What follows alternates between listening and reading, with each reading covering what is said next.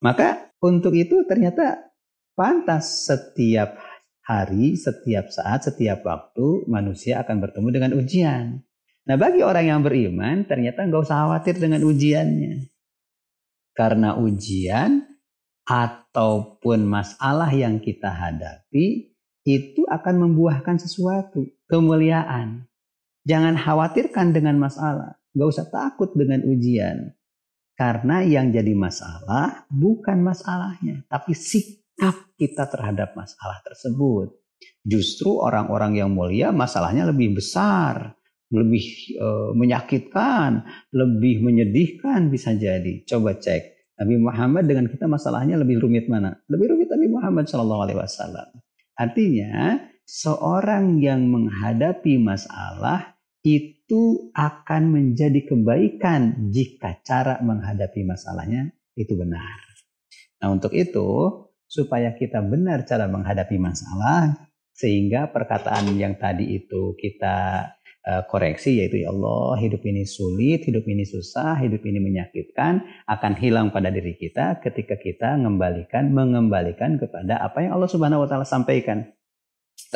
Kalau antum juga cek di dalam surat kedua, surat Al-Baqarah nih ya. Surat Al-Baqarah sekarang kan saum ya, sekarang saum. Nah, kita akan coba sesuaikan aja. Surat Al-Baqarah ayat 185. Ini mungkin yang populer di bulan-bulan Ramadan biasanya. Syahrul Ramadan alladzi unzila fihil Qur'an. Bulan Ramadan ternyata bulan yang diturunkan di sana Al-Qur'an. Untuk apa Allah turunkan Al-Quran? Hudan linnas. Menjadi petunjuk bagi manusia. Dia akan menunjuki jalan hidupnya. Sehingga wabayinati minal huda wal furqan. Sehingga dia akan memberikan penjelasan-penjelasan yang gamblang terhadap petunjuk ini. Dan efeknya orang ini akan memiliki furqan. Apa furqan? Pembeda mampu membedakan mana yang hak, mana yang batil, mana yang boleh, mana yang tidak boleh, mana yang membuat dia ini celaka, mana yang membuat ini sengsara. Dia mengerti, bisa membedakan.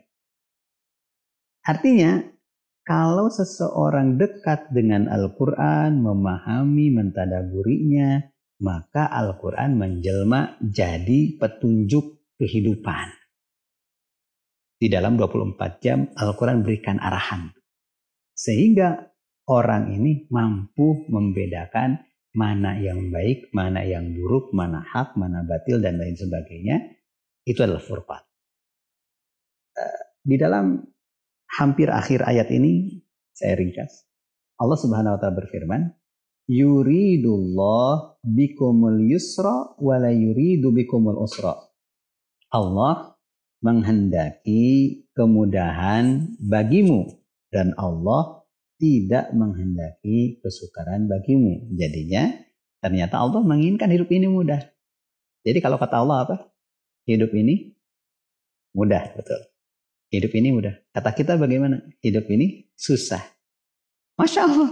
Padahal kan Allah yang menciptakan kita. Nah pertanyaannya kenapa kita menjalani hidup ini susah. Menjalani hidup ini rumit karena boleh jadi kita kurang serius memegang, menjadikan ataupun menempatkan Al-Quran sebagai petunjuk. Sehingga dalam jiwa kita tidak memiliki furqan, tidak bisa membedakan mana yang baik, mana yang buruk, mana halal, mana haram.